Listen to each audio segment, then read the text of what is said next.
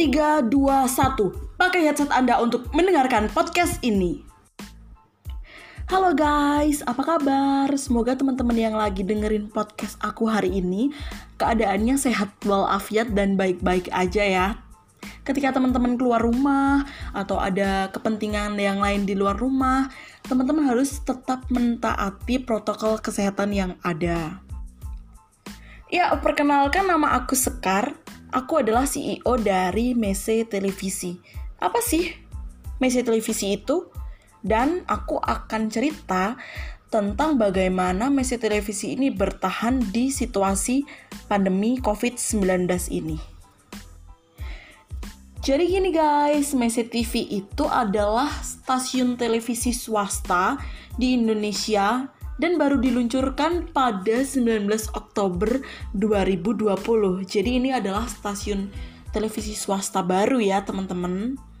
Nah, Mese TV ini ingin ikut serta dalam mencerdaskan kehidupan bangsa dan menjadi sarana hiburan bagi masyarakatnya. Gimana cara Mese TV menjadi sarana hiburan dan ikut mencerdaskan kehidupan bangsa?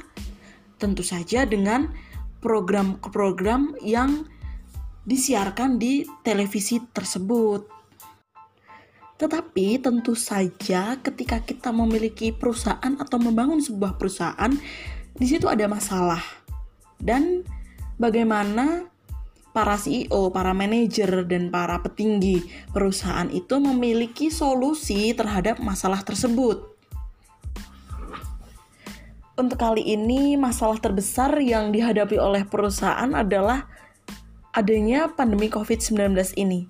Karena banyak sekali yang dirugikan dari uh, adanya COVID ini. Karena kan kita harus social distancing, physical distancing, harus memakai masker, terus ada anjuran untuk tetap di rumah, dan segala macam hal yang akan dilakukan itu terbatas, teman-teman. Namun, tidak hanya perusahaan saja yang rugi, tetapi karyawan juga. Karena banyak juga karyawan dari perusahaan itu dipecat atau di PHK secara mendadak. Alasannya karena income dari perusahaan tersebut menurun sehingga mereka tidak bisa menggaji para, para karyawan mereka. Perusahaan-perusahaan media ini juga mengalami kesulitan ketika pandemi COVID-19 ini ya guys. Dari perusahaan media cetak, dari perusahaan uh, media online, portal berita online, radio, dan juga televisi. Jadi sebagai CEO, aku harus memiliki sebuah solusi dan aku harus mengambil sebuah keputusan untuk masalah yang dihadapi oleh perusahaanku ini. Tapi guys, dalam mengambil sebuah keputusan kita nggak bisa kalau oh ini harus begini, ini harus begini, nggak bisa. Jadi kita harus menerapkan enam langkah atau proses ketika kita mengambil sebuah keputusan untuk uh, menjadi solusi sebuah masalah. Yang pertama itu ada define problem, lalu yang kedua ada specific goals, yang ketiga ada develop alternative, dan yang keempat ada selecting uh, solution, kelima ada implement solution, dan yang terakhir itu monitor solution. Di langkah pertama ini, kita harus mengetahui masalah apa yang ada di perusahaan kita. Di sini, aku sebagai CEO Messi TV mengetahui masalah aku itu apa, masalah perusahaanku itu apa. Karena Messi TV ini adalah stasiun TV baru, maka mereka uh, belum memiliki audiens yang banyak.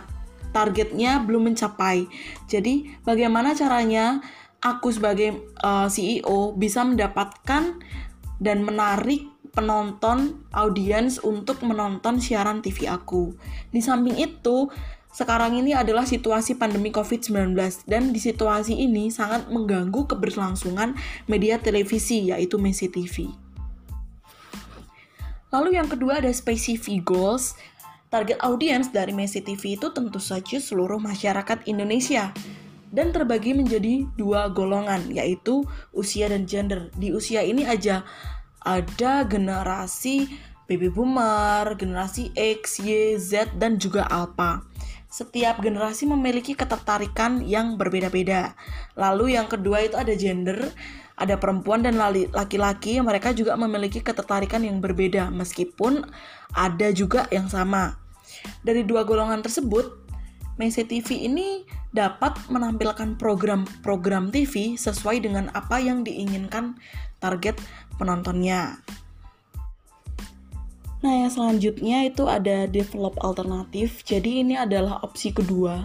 Ketika kita memiliki opsi satu, kita harus memiliki alternatif yang lain ketika alternatif yang pertama ini gagal. Nah, alternatif yang aku ambil adalah um, menampilkan konten yang ada di YouTube dan TikTok. Karena kan ini lagi up banget ya YouTube dan TikTok itu banyak banget penggemar dan penontonnya. Jadi aku akan menampilkan mereka ini di TV aku. Itu sebagai opsi yang kedua. Lalu ada selecting a, a solution. Di sini uh, kita harus menganalisis lebih jauh dan mempertimbangkan opsi mana yang paling baik. Tetapi aku memilih opsi yang pertama. Lalu opsi yang kedua bisa aku pakai ketika opsi pertama itu tidak baik atau tidak sesuai atau tidak bisa ditampilkan. Selanjutnya ada implement solution. Setelah aku memilih opsi dan aku menganalisa, aku harus bisa merealisasikan program uh, tersebut di stasiun televisi aku. Dan yang terakhir adalah monitor solution, guys. Jadi di sini kita harus melihat perkembangannya. Apakah solusi tersebut dapat diterapkan di televisi kita atau tidak begitu. Jadi kalau tidak kita harus merubahnya, kalau iya kita harus meneruskannya dan mengembangkannya menjadi lebih baik.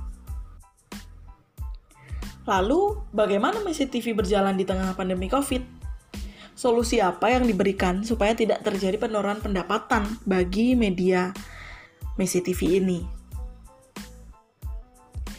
Jadi Messi TV ini tetap melakukan produksi konten guys Khususnya berita karena masyarakat kita membutuhkan sebuah informasi yang perlu didapatkan Nah, tapi yang perlu digaris bawahi Messi TV ini tetap menerapkan protokol kesehatan serta physical distancing Yaitu dengan mengurangi jumlah orang di dalam studio, lalu tidak ada penonton, sebelum masuk gedung harus cek suhu, harus menggunakan masker, harus cuci tangan, dan selalu membawa hand sanitizer.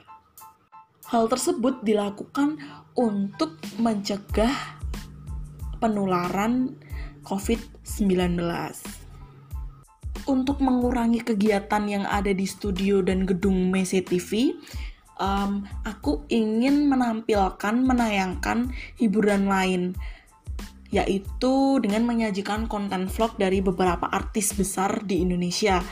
Um, jadi vlog itu menceritakan kehidupan mereka dan keseharian mereka. Mereka kalau misalnya bangun tidur itu ngapain, sampai nanti malam itu mereka ngapain gitu. Biasanya konten-konten seperti ini malah banyak disukai oleh masyarakat, terutama oleh ibu-ibu. Wah, nggak terasa nih aku udah nemenin kalian uh, dan bercerita tentang perusahaan aku. Dan sekarang pamitnya aku undur diri. Terima kasih semuanya. Bye.